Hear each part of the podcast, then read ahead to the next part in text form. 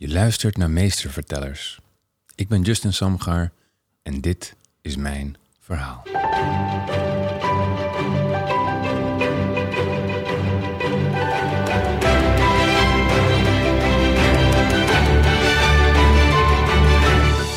Hartelijk welkom bij Meestervertellers, de podcast die in het teken staat van verhalen en storytelling. Iedere week heb ik de eer om een bijzonder gast het hem van het lijf te vragen en zijn of haar visie te horen over de kracht van een goed verhaal. En deze week zit bij mij Justin Samgar. Justin staat sinds 2009 op het podium als spoken word artiest.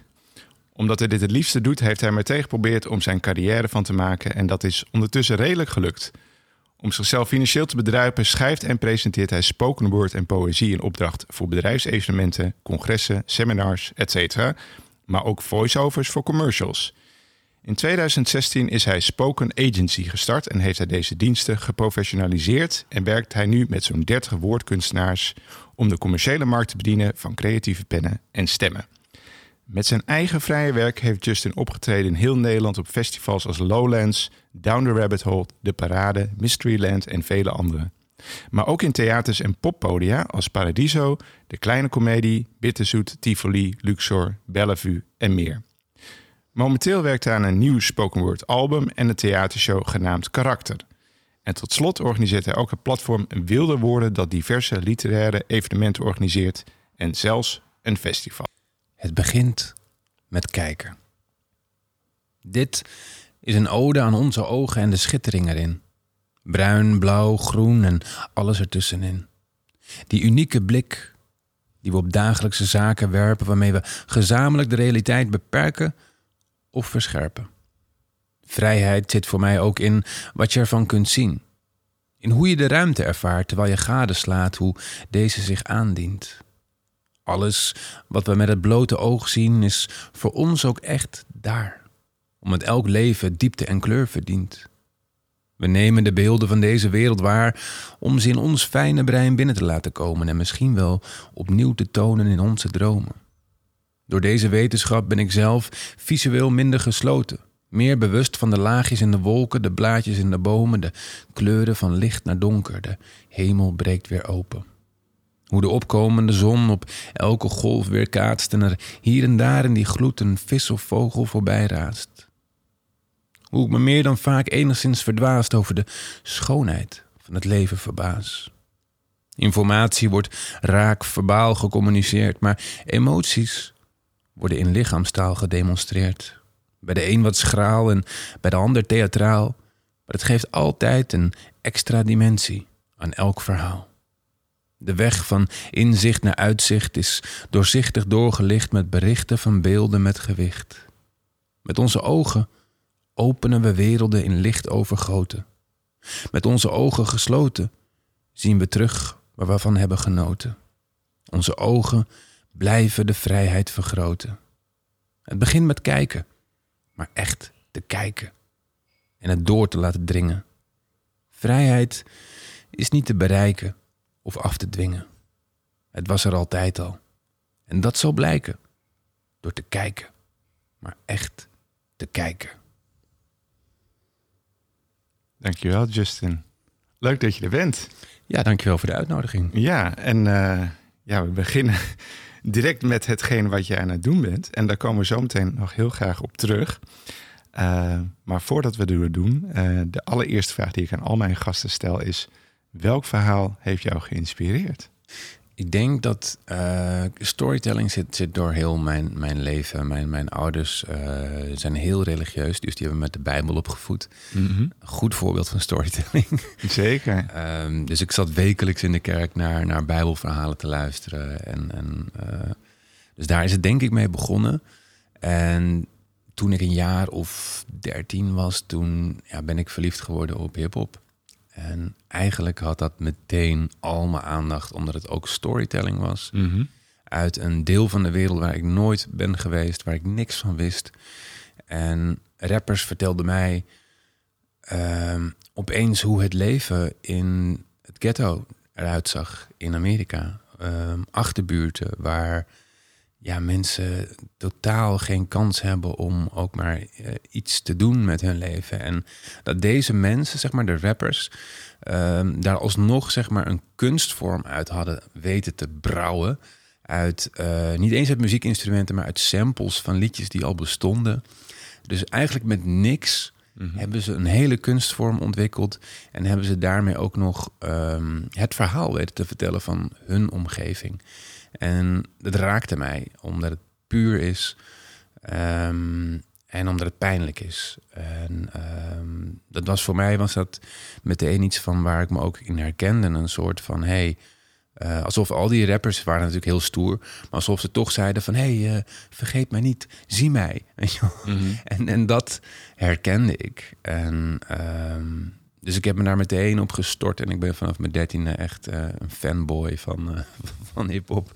En nog eh, steeds? Ja, zeker nog steeds. Ja. Oké, Ik luister ja. het elke dag nog steeds. Dus. Ja, ja, je zegt ook wel iets moois dat je eigenlijk je hebt helemaal niks en toch kan je iets heel iets maken, iets, iets doen en je, je, je, je stem laten horen. Dat is en heel puur. creatiefs. Ja, ja. fantastisch. In plaats van dat je ja, met een piano in huis wordt opgevoed en op het conservatorium zit en zo, dan, ja, dan is het er allemaal, weet je wel. Maar als je niks hebt en, en je steelt als het ware gewoon nog wat apparatuur, ik zeg Ja. maar wat. En, en, en dat je dan toch nog daar eh, beats weet te maken van een drumcomputer en, en, en een, een paar samples. Dat, en die teksten ook, weet je. Nou, ik kan niet zingen, weet je wat, ik ga gewoon praten. En dan laat ik het gewoon rijmen tot het gewoon lekker klinkt. En ja, ik vind dat zo nog steeds. eh, het is nu natuurlijk, het heeft verschillende eh, ontwikkelingen meegemaakt de afgelopen 30 jaar. Ja. Maar eh, in de basis is het een hele pure kunstvorm. En, en eh, ja, dat, dat inspireert me nog steeds.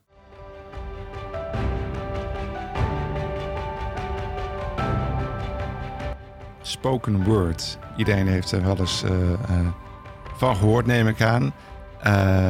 Ook, ook afgelopen jaar, bijvoorbeeld bij dodenherdenking, was volgens mij voor het eerst een, een, een, iemand die spoken word aan Mare van Elst deed een, een voordracht. Eh, het is langzamerhand best wel bekend, maar kan jij mij eens vertellen in je eigen woorden, wat is spoken word eigenlijk? En waar komt het dan eigenlijk vandaan? Eh, spoken word is een. Is een eh, ja, het, is, het, is, het leeft zeg maar op het kruispunt tussen woordkunst en podiumkunst, denk ik. Ehm, het is een soort van poëzie. Ehm, dat is ook misschien wel interessant. Poëzie. ehm, het oorspronkelijke woord weet ik even niet meer in welke taal het is, maar het betekent eh, te creëren. To create. En in principe is spoken word dat natuurlijk ook. En ehm, het verschil, denk ik, met, met de poëzie die we meestal kennen, is dat, dat de poëzie meestal op papier ehm, goed te lezen is, zeg maar, om goed te begrijpen is. En met spoken word richt zich meer op het podium. Hm. Dus dat je een verhaal vertelt op een manier dat het ook overkomt op een podium. En niet altijd het papier. Dat is niet, eh, niet, niet eh, de reden, zeg maar. Mhm. Ehm, dus het is eigenlijk een soort van performance poëzie, alleen de regels zijn veel minder strikt. Er wordt meer gebruik gemaakt van ritme, er wordt meer gema- gebruik gemaakt van storytelling, eh, beeldende verhalen, dingen die aangrijpen, dingen die urgent zijn. Ja, dus dat, dat is het ongeveer waar het vandaan komt. Ehm, het, heeft, mm, het heeft denk ik wat meerdere. ehm, ik denk dat het in de jaren 60, 70 ongeveer is begonnen met de Black Panthers beweging. En eh, daarnaast ook de beatniks hebben het ook gebruikt. En het was een soort van anti-beweging eh, tegen de politiek. Ik ben even de naam eh, precies kwijt.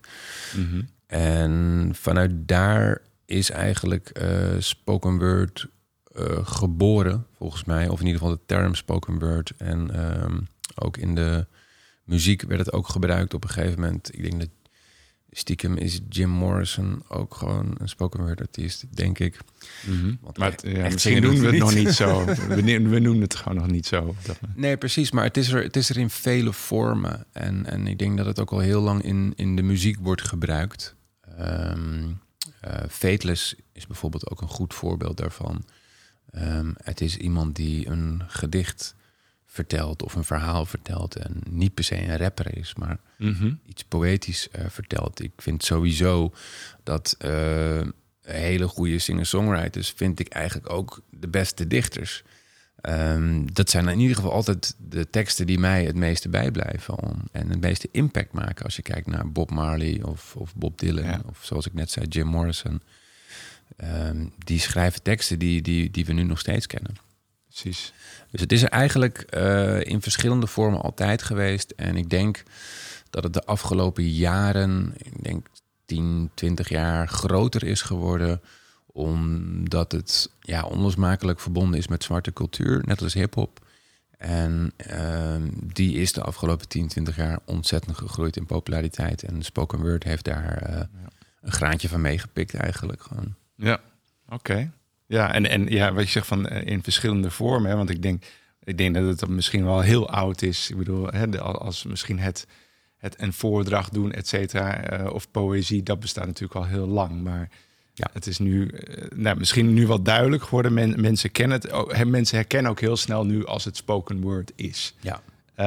Um, en ja, zijn er dan, zou je zo kunnen zeggen, omdat het zo'n zo'n vrije vorm is, zijn er dan ook bepaalde regels? Is er een bepaald soort kader van, uh, stel je voor, ik zou dat zelf willen gaan doen. Waar, waar, waar moet ik dan op letten? Want het, het klinkt altijd fantastisch. Uh, en ik denk van ja, maar er zit, er zit volgens mij meer achter dan dat ik denk. Um, ja, het is, er zijn wel. Uh, ja, of er regels zijn. Het is net met poëzie. Weet je, het is zo uh, betrekkelijk. Weet je, dan zeg je van nou, dit zijn de regels van poëzie. En dan komt er iemand die al die regels breekt. En waarvan iedereen denkt van ja, maar dit is toch poëzie. Ja, ja, ja, oké, okay, zo. Dus het is, het is ja, het is er. En ik denk dat alleen de dichter bepaalt wat poëzie is. Mm -mm. En het publiek bepaalt of het goed is. Oké, okay, helder. Dan hebben we het zo, uh, hebben we het zo vastgelegd. Dus het is voor mij, zeg maar ook als, als, als spoken word artiest, um, was het altijd de, de zaak van hey, hoe maak ik iets? Um, wat voor mij belangrijk is, maar wat ook voor het publiek uh, belangrijk is. Of wat in ieder geval impact maakt.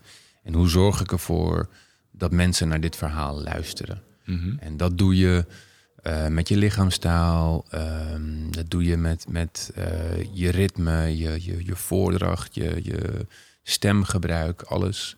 Dus je zet wel alles. Er zijn bepaalde tools die je kunt gebruiken. En de een doet dat beter dan de ander. Of de een is daar meer ervaren in dan de ander. Uh, dus die zijn wel degelijk belangrijk. En uh, bij poëzie is het vooral. Uh, poëzie aan zich, zeg maar, de, de gewone poëzie, is het heel belangrijk um, dat je het op papier zeg maar, goed eruit laat zien, zodat mensen het op een bepaalde manier kunnen lezen, dat ze ervan genieten. En bij spoken word is het heel belangrijk, vind ik, dat je het de luisteraars, uh, ja, dat je de luisteraars het hof maakt bijna eigenlijk. Dat als ze naar jou luisteren, ja, zorg er dan wel voor dat het plezierig is. En niet dat ze na twintig minuten zoiets hebben... Jezus, nu beginnen mijn oren te toeteren, jongen. Dit is echt... Waar gaat het dit naartoe? is too much. ja, ja, ja. Je, en, en, het is altijd een soort van uh, dunne lijn. Van, van oké, okay, je, wil, je wil wel iets vertellen... maar je wil niet te veel vertellen. Mm. En, en je wil een klein beetje luchtig zijn, maar niet te luchtig. En het is altijd een soort van balans, denk ik... die je als artiest of storyteller uh, moet bewandelen. Ja. En ik denk dat je, uh, ik weet niet of dat altijd zo is, maar dat het wel een bepaald soort uh, doel dient. Ik, in je introductie gaf ik ook al aan uh, dat je ook uh, commercieel werk doet, hè, ook voor bedrijven en zo. Dus dan krijg je misschien ook wat meer richtlijnen mee. wellicht hè, van, van nou, wat willen jullie dan bereiken, wat zou je daarmee willen doen? Um, maar als we even een bruggetje maken naar um, wat we toen net uh, uh, hoorden, waarmee we de introductie starten, die voordracht. Uh, hartstikke mooie voordracht. Kan je daar iets over vertellen? Um, kunst begint bij mij met kijken. Dus daar is het eigenlijk een beetje op gebaseerd. Van het begint met kijken. En voor mij begint ja, het hele leven met kijken. als kind uh, je begint met waarnemen, je begint met kijken, hey, hoe zit het allemaal in elkaar? En ik denk dat je dat als kunstenaar of storyteller ook aan het doen bent. Je bent voortdurend aan het kijken van hey, hoe zit het in elkaar? Uh, welk verhaal wordt er aan mij verteld ja. door het leven?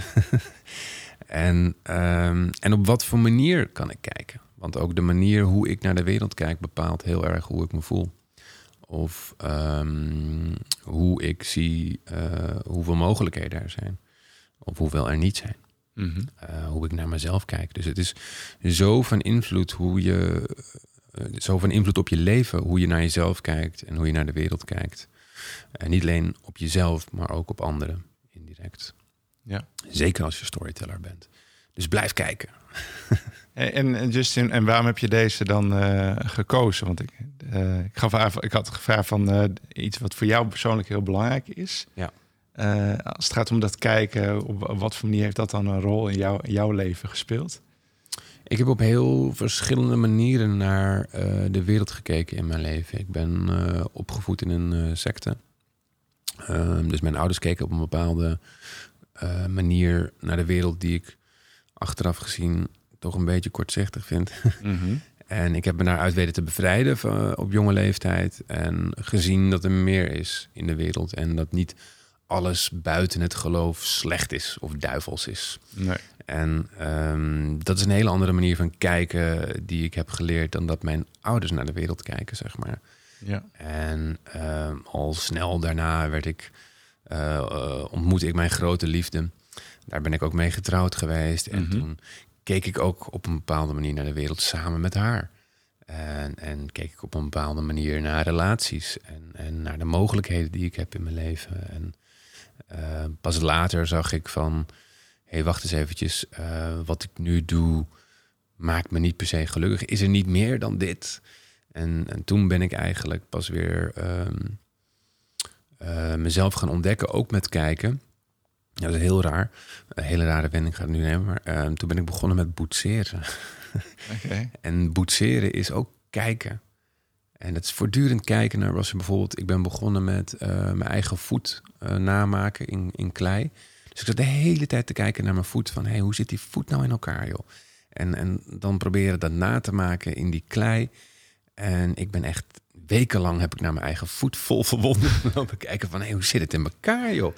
En dat was de eerste keer dat ik zo'n eh, zoveel aandacht had voor mijn eigen voet. En ook omdat ik hem probeerde na te maken, dat ik echt ja, zo in contact stond met, me, met mijn eigen lichaam eigenlijk. En toen het klaar was en eh, ik liet hem zien aan, aan mensen. Ik heb geen les erin gehad, maar het zag er wel gewoon goed uit.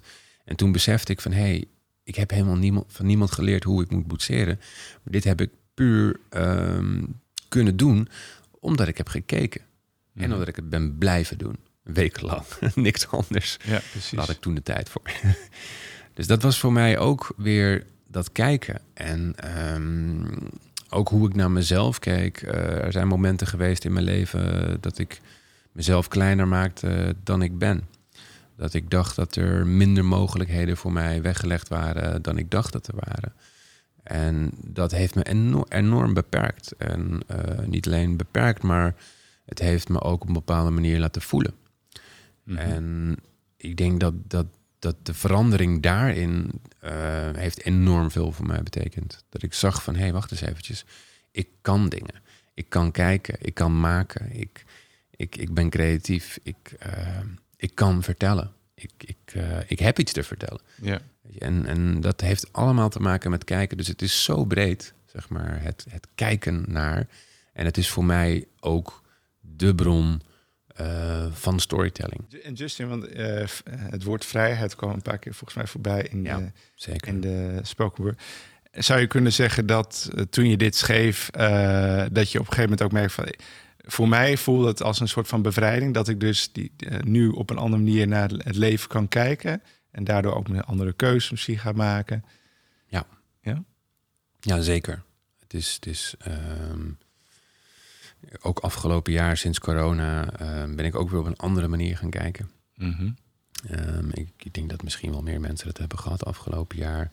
Juist doordat je even stil bent gaan staan. eh, juist doordat alles stil stond, zag je weer van, oh, wat is er nog eigenlijk wel? Ehm, wat vind ik nou echt belangrijk?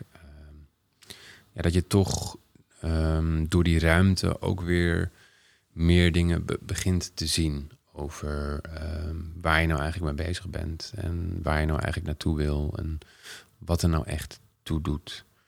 Ehm, maar die ontdekkingen, ja, die blijven komen hoor. Nou, dat is het mooie van het leven, toch? Anders zouden we er stilstaan natuurlijk. Dus, eh, Blijven kijken, ja. En voor mij voelt het ergens heel logisch dat je dit eh, beroep bent gaan doen.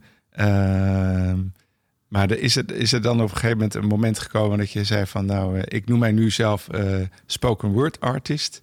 Eh, lijkt me al een stap, Ja, toch? Van, zeker. hoe, hoe is dat gegaan? Ik ben, ik denk 12, 13 jaar geleden of zo, ben ik in een burn-out gekomen. Mhm.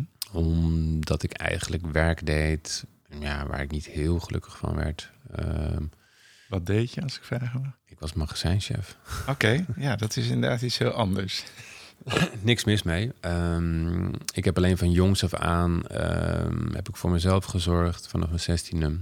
Ehm, dus ik ben ook jong van school afgegaan. En ik heb eigenlijk allerlei baantjes gedaan eh, die ik kon doen zonder opleiding. Ik ging kijken naar wat er voor mij eh, beschikbaar was. Ja. En alle uitzendbureaus zeiden tegen mij: Oh, nou, dan moet je in een fabriek gaan staan of in een magazijn gaan staan. Dus ik dacht toen: Oké, dit is mijn realiteit. Ik kan niet anders doen dan in fabrieken gaan werken en magazijnen. Dus daar heb ik het beste van gemaakt en uiteindelijk magazijnchef geworden. Hoezee. Het hoogste wat ik kon, kon halen. ja, In, in mijn wereld op dat moment was dat eh, de top. en er is op zich niks mis mee natuurlijk. En er is niks mis mee. Alleen ik wilde meer. En ik kwam weer eh, tegen zo'n muur aan van... hey, is dit alles? Ja. Eh, ik had toen een, een vrouw, ik was getrouwd, ik had een mooi huis, eh, ik woonde in Almere en ik was magazijnchef en ik verdiende op zich ook nog wel goed. Ehm, en dat was alles wat ik kon doen, dacht ik. En tot ik erachter kwam van, hé, hey, wacht eens eventjes, er kan meer. En, Ja. en er moet meer, want ik word hier niet gelukkig van. Dus er, er moet iets anders zijn waar ik wel gelukkig van word. En eh, dat heeft geleid tot een burn-out. En die burn-out die leidde weer tot, eh, oké, dan moet ik nu op zoek gaan. Dan is er nu geen andere keuze dan dat ik ga kijken naar hoe het op een andere manier moet. Want dit werkt niet meer. Mhm. En toen ben ik dus gaan eh, in, in verschillende therapieën gegaan. Ik eh, heb een hoop zelfinzicht verworven en ik heb meer tijd genomen voor mijn creativiteit. En zo kwam dat boetseren weer op mijn pad. Ja. En uiteindelijk ook het schrijven, wat ik altijd al deed, Ehm, maar nooit verder uitwerkte, omdat ik dacht van, ja, dat kan toch niet, dat kan ik allemaal niet. En, eh, ik word nooit eh, goed of zo. whatever. Ja. En Want pas- hoe- oud was je toen trouwens, als ik vragen mag? Toen je, eh, dit is twaalf jaar geleden. Ja, dus 12 jaar geleden was ik 28, zoiets. Ja, oké. Dus, ja. dus toen ben ik het toch maar gaan doen. Dat is wel spannend om dan toch helemaal eigenlijk weer opnieuw te beginnen van iets heel anders te gaan doen. Ja, maar ja, ik dacht ook van, hé, hey, ik ben 28, ik heb een vreselijke burn-out. Wat is er hier aan de hand? En eh, er moet nu iets anders in mijn Ja. leven. Want dit werkt dus klaarblijkelijk niet. Ik word hier doodziek, eh, geestelijk en lichamelijk. Eh, dit is niet cool. Mijn leven moet nu anders. Dus voor mijn gevoel had ik geen andere keuze dan om ja, een andere kant op te gaan, een ander pad te bewandelen. En ik heb de ruimte genomen om mezelf te onderzoeken en om te kijken van hé, hey, eh, waar vind ik plezier?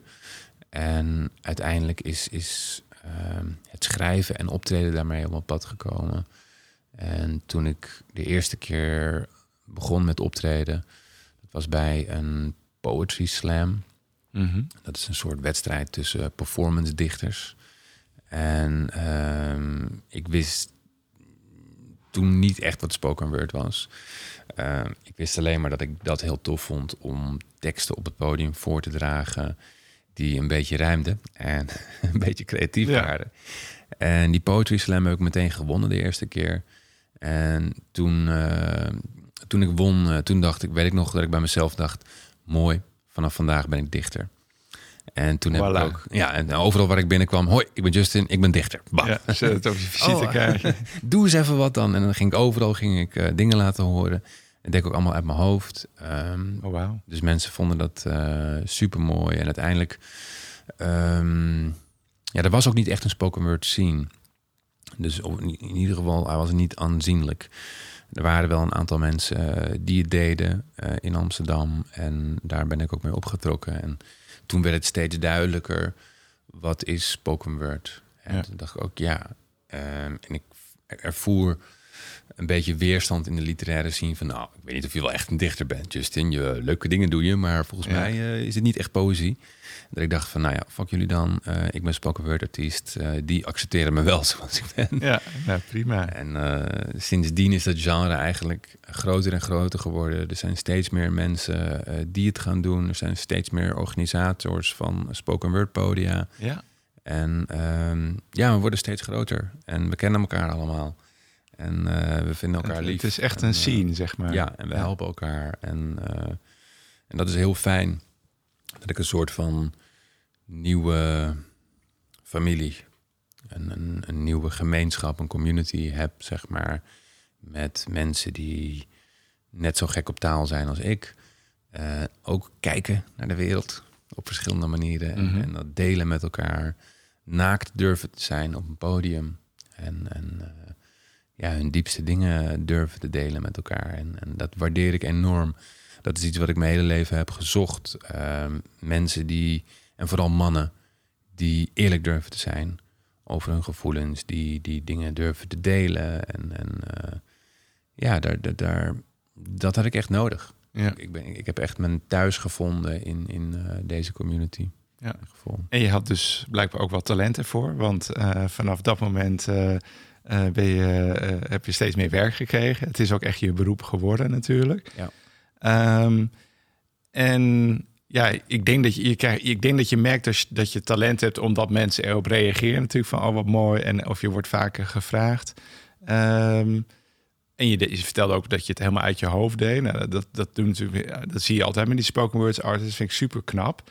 Ehm, maar hoe, hoe vond je dan, eh, laat ik het zo zeggen, jouw stem? Van dat je denkt van eh, dit, waar komt dat vandaan dan? Van, je gaat dan gewoon schrijven. Hoe, hoe werkt dat dan? Ja, dat is wel een reis. Ik heb, ehm, ik ben dus 10, 11 jaar geleden begonnen. En toen dacht ik van, nou, ik heb altijd voor mezelf geschreven, eh, gedichtjes en teksten. Dat is nog veilig natuurlijk. Ja, precies. En, en, en maakt het allemaal niet uit of het begrijpbaar is of niet. en toen ik dus in die burn-out zat en dacht van... oké, maar als ik nu echt ga schrijven... ik weet dus dat ik enigszins creatief ben... dan moet ik wel gaan kijken wat willen mensen horen. Ja. Of eh, wat zouden ze... Of dan moeten ze in ieder geval begrijpen waar ik het over heb. En toen dacht ik van, weet je wat ik doe?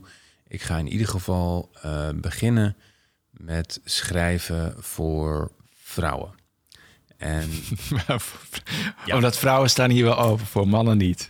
nou, ik had, ik had gelezen, er waren twee dingen die ertoe hebben geleid. Eh, ten eerste, is een hele, een hele platte. eh, rapper Tupac eh, zei altijd, you gotta rap for the bitches. En dat zei hij om, om, om dat vrouwen veel meer geld uitgeven aan culturele dingen dan mannen. Ah, Oké, En eh, dat is ook echt zo. Dat is nog steeds zo. dat geloof ik wel, ja. Ja, vrouwen geven veel meer geld uit aan eh, culturele dingen, culturele evenementen en, en kunst. Plus ze staan veel meer open voor gevoelens en voor verhalen en dat soort dingen. Ehm, dus dat was voor mij dat ik dacht van oké, laat ik daarmee beginnen en dan, dan zien we de rest wel. Mhm. Dus dan heb ik twee teksten geschreven. Eén was een, ehm, een eh, soort van serenade voor mijn droomvrouw, die ik ooit zou willen vinden. En Die had je toen toch al, of niet? ja, Of dat ja, was... een soort van. Ik dat neem aan. Ja, dat liep toen in, op zijn einde ook. Oké, nee, dan snap ik hem. Ja, maar het was ook meer een concept, zeg maar. Dat ik dacht van, het hoeft niet waar te zijn. Oké, Het gaat meer om het concept dat ik op zoek ben naar een, een perfecte vrouw of een godin. Ja. En dat vergeleek ik dan als een, eh, een astronaut, een ruimteschipper, die op zoek was naar de juiste planeet eh, om op de oppervlakte neer te dalen, zeg maar. Dat was dan Venus, bla bla bla. Dus ik had daar een soort van eh, vergelijking mee. En die andere was een, ehm, een tekst of een gedicht waarmee ik in de rol kroop van een vibrator. En dat was het begin, hè? En, hem. Hij is sowieso heel origineel. En die vibrator die wordt natuurlijk uit het nachtkastje gehaald en die gaat steeds sneller en sneller tot het eh, naar, naar een hoogtepunt brengt. Dus dat was voor mij ehm, de beginverhalen. En toen ben ik meteen mijn, dat, dat mijn eerste optreden lagen mensen helemaal in een deuk om die vibrator. En toen dacht ik van, oh, dit is, dit, hier zit wel iets. En een vriend van mij had het opgenomen op video. En ik zag die video en ik zag iedereen in een deuk liggen om die vibrator-ode. En toen dacht ik van, weet je naar wie ik dit moet opsturen? Ik moet het opsturen naar spuiten en slikken. En toen heb ik het opgestuurd naar spuiten en slikken. En ik zweer het je, ik werd twee uur later opgebeld. Wat is dit fantastisch. Kom naar de studio. Jij bent in, in de volgende aflevering van spuiten en slikken. Mag je deze ode eh, aan de vibrator doen? Dus ik naar spuiten en slikken. Uh, toen de tijd toen de tijd keken er ongeveer een miljoen mensen per aflevering. Het was heel populair toen, hè? Dat was heel populair, ja. Dus ik deed dat ding en, en, en uh, nou, dat was aan. En ik mocht meteen de rest van het seizoen blijven. En toen heb ik elke week iets nieuws geschreven uh, aan de hand van de onderwerpen die ze behandelden in uh, die aflevering. Dus dat ging elke week over seks. Um, omdat er bijna een miljoen mensen naar keken, en dan kom ik bij mijn punt uh, dacht ik van oké, dit is dus wat mensen willen horen. Mensen willen horen dat ik het over seks heb. Oké, top, gaan we doen. Mensen willen horen dat ik grapjes maak. Top, gaan we doen. En jarenlang heb ik gedacht van oké, dit is dan wie ik ben. Of dit is wat ik te vertellen heb. Omdat ik zoveel aandacht kreeg daarmee. En um, op een gegeven moment dacht ik van ja, maar dit is niet alles wat ik wil vertellen. En toen ben ik meer gaan uh, proberen. Maar als je niet meer hetzelfde platform hebt als spuiten en slikken, dan wordt het heel moeilijk om dat te evenaren. En het wordt ook heel moeilijk om uh, aan andere mensen te laten zien wat je nog meer in huis hebt. Als ze al zeg maar heel dik dat beeld van, oh, hij is die uh, pornodichter van. Uh, ja, je hebt jezelf zo wel neergezet natuurlijk. En ik 1 miljoen mensen. Ja, ja. ik, ik om, omarmde dat ook. Ik was super blij dat mensen me zagen. Tuurlijk. Ja. Dus ik, ik maar grappen maken en dat soort dingen. Dus dat heb ik heel lang uh, met me meegedragen in het begin. Maar het was wel een hele uh, ja, goede les uh, voor mij om te zien van... hé, hey, wacht eens eventjes. Ten eerste, dit is hoe tv werkt. Zij framen jou. Zij willen iets vertellen en ze gebruiken jou daarvoor om dat te vertellen. Maar in principe vertel je gewoon hun verhaal, ja. niet jouw verhaal. Ehm, dus dat was de eerste les van dit is hoe tv werkt. En de tweede les is ook van oké, ga gewoon dingen proberen. En ik heb toen een heleboel verschillende dingen geprobeerd. En dat heb ik eigenlijk ja, heel veel gedaan. En, en als je in opdracht schrijft, wat ik ook uh, toen deed ik dat voor spuiten en slikken. Maar later ben ik dat gedaan, uh, gaan doen voor bedrijfsevenementen, voor campagnes van uh, maatschappelijke organisaties. Want die bedrijf is in één keer jou te vinden? Of wat, hoe ging dat dan? Nee, die ben ik echt op gaan zoeken. Ik, heb ze echt, uh, ik ben begonnen met bedrijven spammen. En op een gegeven moment ging ik uh, evenementenbureaus. Oh, er bestaan evenementenbureaus? Oké, nou dan ga ik die spammen. Ja, precies. We zien wel. Ja, dus ik ben, ik ben uh, elke keer gewoon dingen gaan proberen. Ik ben op mijn bek gegaan. En dacht, oh, wacht eens even, dat moet ik beter doen. Oh, ik moet die hebben. Oh, wacht eens even, ik moet ze zo aanspreken. Dus dat is steeds verder gegroeid. Ja. Maar als je voor bedrijven schrijft, um, dan willen die ook op dat er op een bepaalde manier wordt gesproken. Meestal willen ze zo kort mogelijk, zo duidelijk mogelijk. Um, er zijn bepaalde voorwaarden, dingen ja, die zeker een begin een doel stellen hè, van ja. we willen dit of dat. Uh, daar moet heel duidelijk Ja. ja. Ja, dat is ook wel fijn, toch? Je hebt een makkelijke kader. Het was ook, was ook heel leerzaam, omdat je sommige bedrijven zijn super groot, zoals Vodafone of, of uh, Google. En als je daar um, praat met hun PR-afdeling, met hun storytell-afdeling eigenlijk. Die hebben ze natuurlijk, ja. Dan, dan leer je daar ook heel veel van. Mm -hmm. uh, het is alleen wel zo dat toen ik dat jarenlang deed, toen uh, ontwikkelde ik ook een soort van maniertje van, oh, dit is wat klanten willen. Um, het wordt een trucje, zou je kunnen zeggen. Ja, misschien een trucje. Het wordt ook. Um, op een gegeven moment begon ik dat ook weer te verwarren van, ja, maar ben ik dat dan als artiest? Uh, maar dit is wat ik het meeste doe, want daar verdien ik het meeste geld mee. Ik bedoel, als ik een spoken word optreden met mijn eigen werk doe, dan is dat niet. Je krijgt er niet heel veel vergoeding voor. Terwijl uh, voor die bedrijven krijg ik gewoon een normale vergoeding uh, ja. voor het werk wat ik erin steek. En dat gaat dan een lopende band door. Dus dan doe ik dat dus de hele tijd. En dan vormt je dat ook weer als artiest. Want hé, hey, ik doe dit de hele tijd. Ben ik dit dan, weet je wel? Um, dus zo zijn er verschillende punten geweest in mijn carrière dat ik dacht van, oh, maar nu doe ik deze stijl, of nu doe ik dit, of nu praat ik helemaal hierover. Ben ik dat dan? Dus ik was altijd op zoek naar mezelf in al mijn verhalen. En, en wat is nou eigenlijk mijn verhaal? En op een gegeven moment ben ik in contact gekomen met een, uh, of heb ik een boek gelezen. Dat heet De Held met Duizend Gezichten. Um, ik weet even niet meer wie de schrijver is. Nou, dat kunnen mensen dan googlen. Het gaat eigenlijk heel erg over de structuur die er zit in verhalen. Dus je hebt bijvoorbeeld uh, het heldenepos. Dat wordt al duizenden jaren gebruikt met Hercules en koning David. Ja, en, bekend. Weet ik veel wie allemaal. En er zit een bepaalde structuur in. En die is in elk heldenverhaal terug te vinden. En toen dacht ik, wacht eens even. Dus er zit gewoon echt een soort van methode in. En toen uh, las ik ook uh, een boek van Carl Gustav Jung over archetypes. En ook hoe dat wordt gebruikt in marketing. Dus dat elk, um, elk merk ook zeg maar, vergeleken kan worden met een bepaald archetype. Zoals Google is bijvoorbeeld de magier. Want hey, uh, Google weet alles.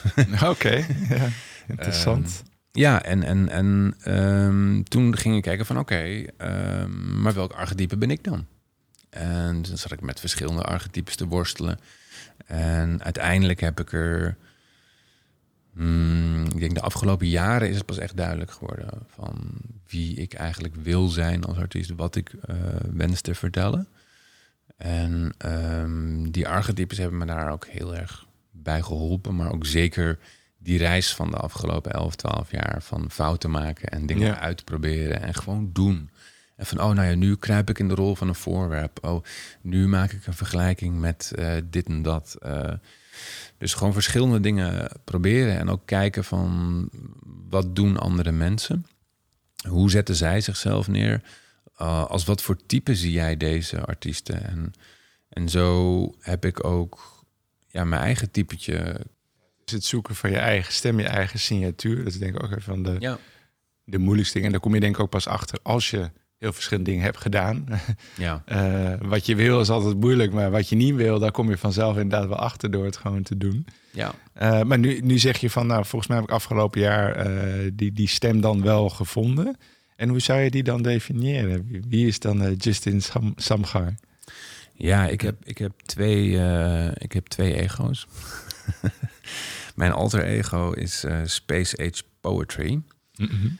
En daarmee doe ik spoken word ook in het Engels op uh, elektronische muziek. Ja. En dat doe ik nu, denk ik, drie, vier jaar. En dat archetype is de magier. En daarin probeer ik um, wat mysterieuzer te zijn. Er zit wat meer poëzie in. Er zit wat meer uh, filosofie in. Het is wat, wat, wat zweveriger misschien. Mm -hmm. En uh, dat is zeker een onderdeel van mij. En het archetype wat ik voor mezelf heb gevormd de afgelopen jaren als Justin Samgaar, dat is de minnaar. En um, ja, en daar ben ik nu de afgelopen jaren ook meer mee aan het werk om uh, dat steviger neer te zetten als van hey, dit is Justin Samgaar, dit is de minnaar. Uh, de minnaar houdt van dingen. Hij houdt van lekker eten. Ja, ik had hem al zelf al nog niet genoemd, maar ik kan hem inderdaad wel invullen. Hè? Ja. ja. André Hazes was bijvoorbeeld ook een minnaar. Ja. Uh, een man die houdt van het leven, houdt van zijn familie, zijn kinderen, zijn vrouw, uh, van een drankje, van eten. Alles wat hij deed, dat deed hij veel intens en ja, daar had hij heel veel liefde passie. voor. Ja. En, en, en het, is een, het is een minnaar. En um, ja, en dat probeer ik nu ook te zijn. Ik ben ook bezig met een uh, spoken word album momenteel. Ik heb uh, subsidie gekregen van het Fonds voor de Podiumkunst daarvoor. Mm -hmm. Uh, het album is bijna af. Er uh, komen ook video's bij. Eh, het heet Karakter. En dat gaat eigenlijk over mijn reis die ik heb gemaakt eh, tot het karakter wat ik ben geworden eigenlijk. Ja. Oké. Okay. Ja. Nou, nog heel even terug naar, naar spoken word. Omdat, uh, nou, ik ben zelf ook van het verhalen vertellen natuurlijk op mijn, mijn eigen manier. Maar ik doe het met film. Ja. Jij doet het met woorden. Uh, wat, wat mij opvalt bij, bij spoken word is dat... Uh, ik, ik noem het wel, ik ga, op, ik ga op reis. Dus um, ik, ik start eigenlijk te luisteren. Ik ben naar een verhaal aan het luisteren. En op een gegeven moment word ik ergens mee naartoe genomen. En dan laat ik eigenlijk meer het narratief, noem ik het even, los... En dan laat ik de woorden toe. En dan, uh, ja, ik noem dat op reis. Want ik, ik, heb gevoelens. Ik, ik, ik, pak daar dingen uit. En op een gegeven moment is het klaar. En het is, bij, het is een soort van complete ervaring. Terwijl ik voor mijn gevoel niet dan direct heel duidelijk is van, nou ja, zoals het klassieke verhaal van wie was het hoofdpersonage of dit is de ontwikkeling en dat soort zaken. Uh, hè, dus wat je natuurlijk bij, bij poëzie hebt, is veel vrijer. Maar, dat, maar tegelijkertijd is het dan weer ten aanzien van poëzie, vind ik, dat het wel weer wat concreter is. Dus ik krijg wel een soort van boodschap mee. Ik denk van, hé, hey, die, dit, dit doet me iets en dat, dat, dat, dat hou ik in mijn hoofd. Ja. Uh, dus dat, dat vind ik wel, wel, wel fascinerend. Dus eigenlijk is mijn vraag meestal van... als we het hebben over dan uh, die reis, hè, of, die, die, die je dan doorloopt... hoe, hoe bouw je dat dan op, zo'n verhaal? Uh, en is dat dan iedere keer ook weer anders? Want ergens moet je beginnen, toch? Je hebt een idee en dan, voilà, ik ga schrijven. Ja, nee, dat, dat, het is... Um, voor mij is het een soort van, van, van balans tussen uh, wat ik voel en wat er toe doet voor het publiek. Mm -hmm. Dus dat is voor mij mijn startpunt van oké, okay, er is iets wat ik wil vertellen. Um, hoe trek ik dat naar het publiek toe? Bijvoorbeeld het verhaal dat ik in een secte ben opgegroeid. Ja, leuk, niemand weet daarvan. Niemand begrijpt dat, zeg maar. Nee. Want, want ja, wie, wie groeit er nou op in een secte? Bijna niemand. Dus nee, wie herkent het staat zo ver van je af ja. dat... Uh... Dus dan probeer ik iets te vertellen over eenzaamheid, wat iedereen herkent. Of mm -hmm. uh, probeer ik iets te vertellen over uh, denken dat de wereld heel klein is, uh, terwijl er meer is dan, dan je denkt. Dus ik probeer dan een thema te pakken of iets wat zeker te maken heeft met hetgeen wat ik wil vertellen, maar wat herkenbaarder is voor het publiek. Precies. Dus het is altijd een soort van balans. En voor mijn gevoel ontstaan ook de beste creaties daarin. Je hebt zeg maar, je hebt de, de, maatschappij of de groep eigenlijk, waar, je, waar we eigenlijk allemaal in staan, in die groep. Maar als kunstenaar of storyteller kun je daar ook buiten staan. En als je daar buiten staat, kun je heel goed naar de groep kijken. Mhm. Dan kun je heel goed zien wat er allemaal gebeurt in die groep. Maar als je dat wil vertellen aan die groep, zal je toch, toch weer terug moeten gaan naar die groep. En dan kijken hoe je het ze moet vertellen. En ik denk die spanningsboog tussen die, die afstand en die nabijheid. In die spanningsboog denk ik dat, uh, dat je mooie dingen kunt creëren. Sla je dan een soort van, ja, zo'n woord of zin, sla je een brug? Hè? Want je, je, bent, je hebt een onderwerp dat staat dus heel ver van mensen af. En dan kan je het inderdaad bijvoorbeeld letterlijk gaan vertellen. Maar doordat je eigenlijk uh, spoken word gebruikt, uh, neem je mensen als het ware mee uh, uh, met dingen die ze herkennen. En um, gaan ze dat dan beter begrijpen?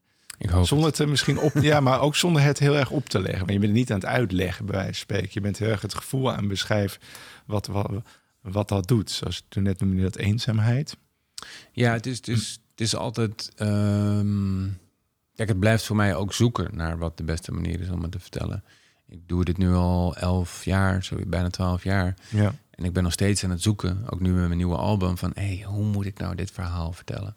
Mm -hmm.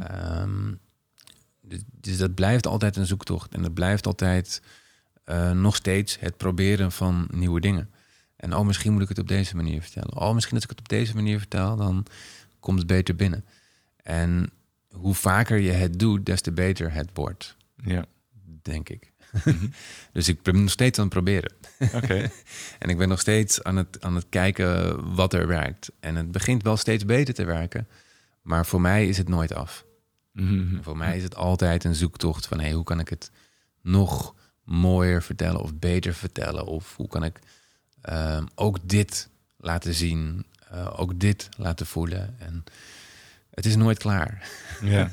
dat is ook wel het mooie eraan natuurlijk.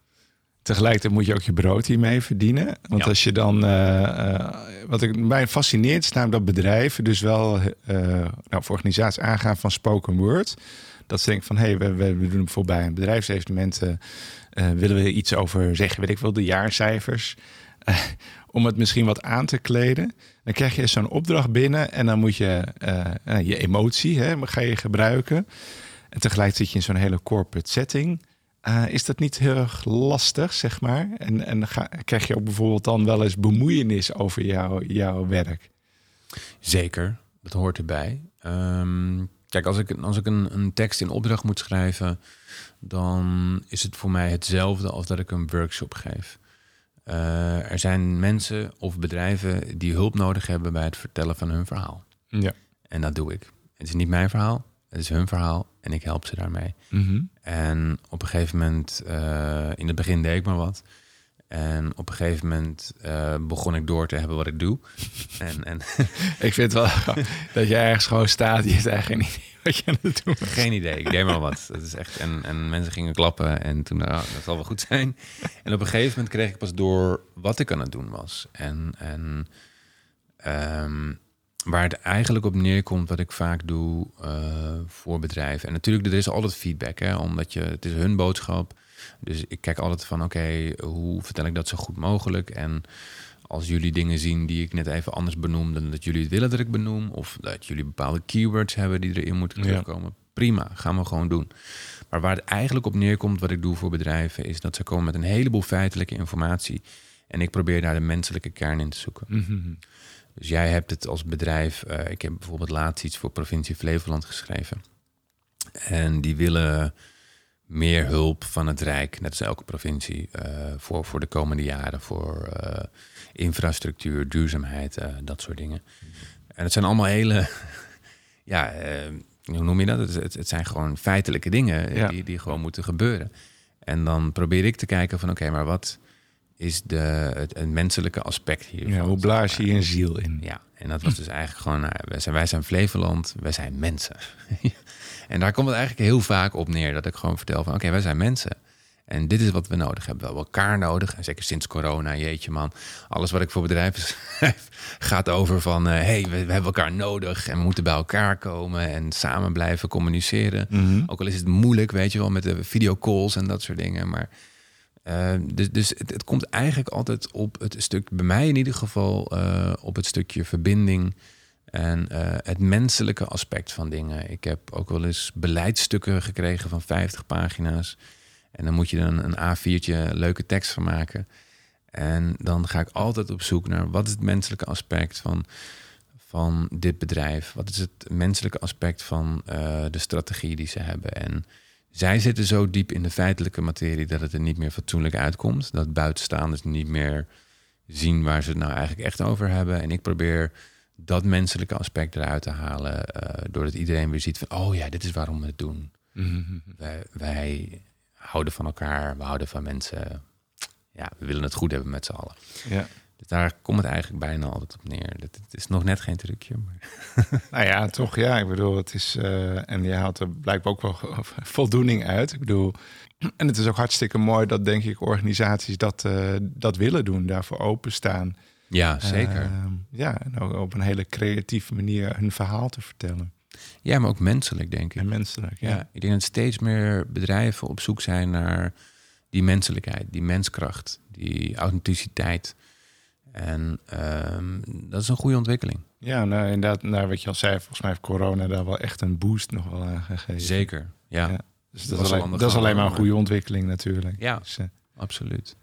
En Justin, nu eh, heb jij ook, eh, je bent uiteindelijk heb je ook nu vertegenwoordig je een aantal andere artiesten met eh, de Spoken Agency. Ja. Ehm, eh, en en dat, dat zijn dus allemaal spoken word artiesten. Wat, wat voor soort mensen zijn dat en ja, wat, wat doen jullie precies?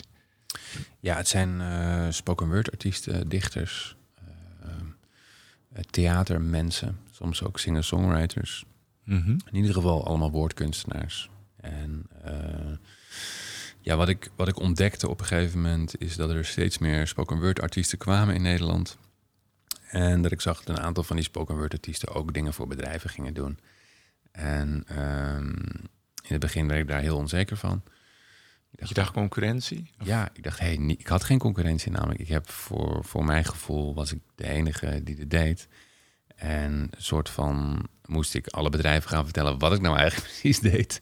Dus voor mijn gevoel moest die markt, moest ik die zelf ontwikkelen. Ja. En op een gegeven moment waren er ook andere spoken word artiesten. En, en eh, dat vond ik heel fijn. Ehm, maar ik was ook heel bang om, om, omdat er zo weinig werk was, dat, dat, dat ik niet al het werk kreeg of niet genoeg werk kreeg. Mhm. Ehm, en toen dacht ik van nou, weet je, wat we kunnen doen, is dat we een collectief opzetten. Waardoor ehm, we ten eerste zeg maar eh, meer werk binnenkrijgen. En de tweede ook de markt beter kunnen bedienen, omdat we verschillende smaakjes Ja. kunnen aanbieden. Want ik had dus, ehm, ik denk dat bij mij het kwartje echt viel toen ik een eh, mooie aanbieding kreeg van Ben Jerry's. Superleuk merk. Ja. En ehm, zij wilde mij misschien hebben voor een klus. En toen werd ik uiteindelijk afgewezen omdat ik niet urban genoeg was. En, en toen werd er, een, het werd er een andere artiest eh, gekozen waarvan ik dacht van ja, maar jij bent helemaal niet urban. Ik, ik ben veel meer. What the hell is urban eigenlijk? Precies, ja, maar dat, dat is ook weer zo'n ding. En ik dacht van, nou ja, urban is gewoon eh, van de straat. En geloof me, ik ben, ik heb echt wel op straat gestaan vroeger. Dus ik dacht van, ja, ik ben ook gewoon urban, maar dat had dus meer met je, met je stijltje te maken. En die andere leek dan misschien net iets meer op een rapper of zo.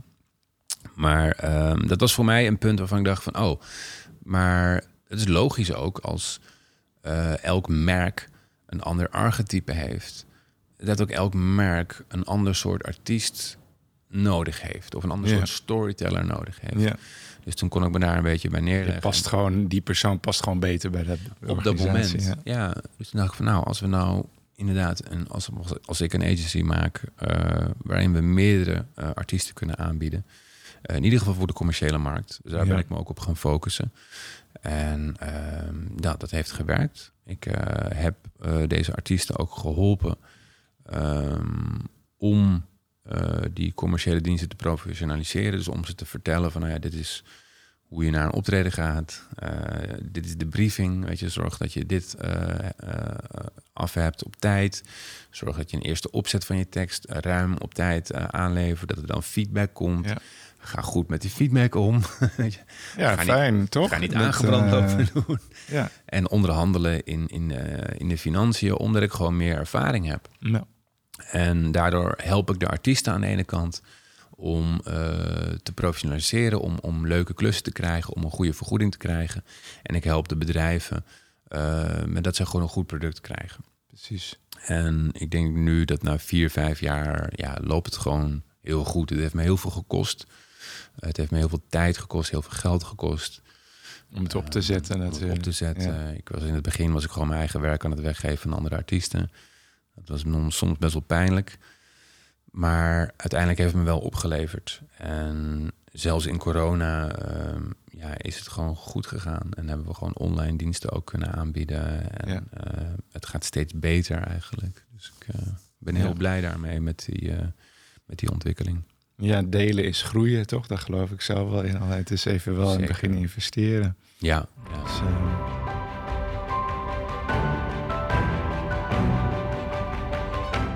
eh, je, je bent ook, te, zoals ik in de aankondiging zei, eh, te horen op festivals. Of je hebt op festivals staan. Dat is allemaal met corona natuurlijk wat minder. ja. Eh, maar ja, dat ga je wel weer doen. Want daar laat je dan meer vrij werk horen ook, neem ik aan. ja klopt. Ja. Oké. Ja, ik ben nu met een album bezig, karakter. Ja. En ehm, ja, ik focus me nu eerst op dat album maken en video's daarbij maken. ja. En ik hoop volgend jaar eh, een theatertour te kunnen starten. eh, ergens in eh, september. Die gekoppeld is dus, dus aan dit album, zeg Ja. maar. Ja, Ja, oké. met muziek. Het is, ik heb het album samengemaakt met Ruby Rijsmaier. Het is een muziekproducer van filmmuziek. Hm, Oké. Hij heeft ook ehm, van bijvoorbeeld onlangs voor een film Shadow Game heeft hij de muziek gemaakt. En ik heb hem vorig jaar ontmoet voor het eerst en dat was, dat was meteen een klik. En ehm, ja, we zijn onlangs eh, hebben we ons opgesloten. En toen hebben we in vijf dagen eh, hebben we 13 tracks gemaakt. Wauw. Ehm, ik was zelf al eh, anderhalf jaar bezig met die teksten. dus voor hem was het meer van: oké, dit is wat ik heb. ge- eh, gewoon luisteren naar wat ik heb gemaakt. Ja, ja, ja. En eh, het is een verhaal eh, wat ik hem eerst in zijn compleetheid heb verteld. En daarna hebben we track voor track hebben we alles aangepakt. En eh, ik denk dat die muziek, die filmmuziek, ehm, mijn verhalen versterkt. En die eh, probeer ik dan ook te gebruiken in mijn theatershow. Aha. En eh, ja, en ik, ik vind het heel spannend. Ik ben elke, elk uurtje wat ik over heb, zeg maar, dat, dat eh, zit ik achter me om te kijken van oké, wat gaan we nu doen?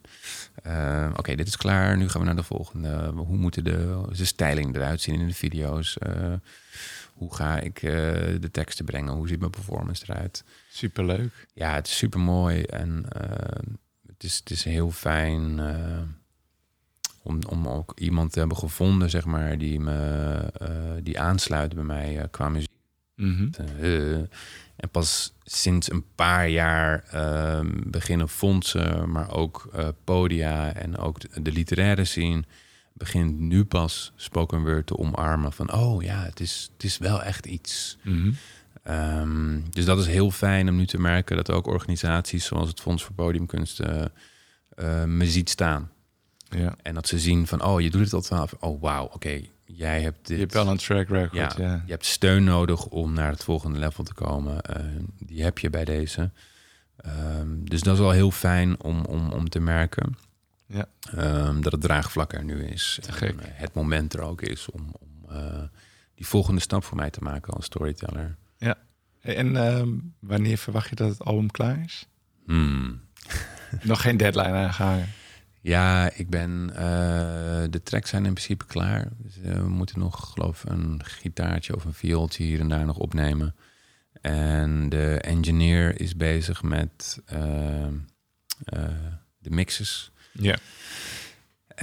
nou ja, technisch verhaal allemaal. Ik denk over een paar maanden. Oké. nou, hou me op de hoogte in ieder geval. Ja. Ik zou het heel leuk vinden om daar nog iets over te zeggen dan TCT. Ja. Als uh, mensen nu denken van uh, wat fantastisch, ik zou ook spoken word artist willen worden. Of ik wil misschien wel aansluiten bij een spoken agency uh, in de toekomst. Maar als mensen nou echt zouden willen beginnen, die zijn ook 28 jaar en denken, yes, dit ga ik doen. Ja. Wat voor tips zou je ze kunnen meegeven? Um, ja, ga vooral kijken naar andere artiesten. Mm -hmm. Wat zij doen. Laat je inspireren door andere mensen. Um, kijk wat, wat, wat, je qua storytelling al tof vindt in de muziek die je luistert of in de films die je kijkt. Uh, storytelling is overal. Uh, dus kijk naar wat jou uh, inspireert. Ja. probeer te kijken naar wie je zelf bent. probeer dat te ontdekken. En, vind je eigen stem, hè? Ja, vind je Zoals stem. jij. Dat kan een hele reis zijn van 10, 12 jaar. misschien duurt het je maar 10 maanden. Dat kan ook. Misschien weet je het al. Maar blijf gewoon kijken. Um, neem workshops van andere artiesten. Um, probeer gewoon zoveel mogelijk te leren. En, en mee te krijgen van, van mensen die je zijn voorgegaan. Ja. En um, dat doet iedereen. En uh, dat is denk ik ook gewoon de beste manier om te kijken uh, wat je zelf wil doen of kunt doen. Door te zien wat er al is gedaan. En hoe andere mensen dat hebben gedaan. En dat inspireert sowieso. Dus het is, mm -hmm. het is, het is nooit verloren tijd. en het is niet onmogelijk, want uh, nou ja, zoals je al vertelde, van uh, spoken word is nu echt wel bekend. Ik denk, ik heb het gevoel dat er meer vraag naar komt. Dus ja. er is een markt voor. Dus wat dat betreft, uh, ja, zeker. zou ik het zeker aanmoedigen. En iedereen is uniek ook, weet je. Dus er is altijd ruimte voor een nieuwe stem. Ja, ja. mooi. Justin, um, als mensen meer over jou willen, weet, willen weten, werk van je horen, willen zien, waar kunnen ze dan terecht? Dan kunnen ze naar uh, justinsamgar.nl. Dat is mijn website. Mm -hmm. En uh, ik zit natuurlijk ook gewoon op social media. Ik heb uh, behoorlijk wat YouTube-video's ook. Um, en ik hoop ja, dat we eind dit jaar of begin volgend jaar... dat iedereen me gewoon weer kan zien op het podium. Dat hoop ik ook. Ja. Lijkt me leuk. Ik kom graag langs. Dat lijkt me fantastisch. Hey, super bedankt. Heel veel succes. Ja, en uh, ga lekker genieten van je vakantie uh, die binnenkort start. Ja, ga ik doen. Dankjewel. En dan uh, hoop ik tot ziens. Yes. All right. En dan nog even dit. Wil je deze podcast graag steunen? Dat kan. Ga dan naar petje.af, schuinstreep meestervertellers voor meer informatie. Nou, dat was hem voor deze week. Wil je meer weten over Meestervertellers? Check dan meestervertellers.nl. Je kan ons ook volgen via Facebook of Instagram. Of tag een aflevering via het Meestervertellers. Hopelijk tot volgende week.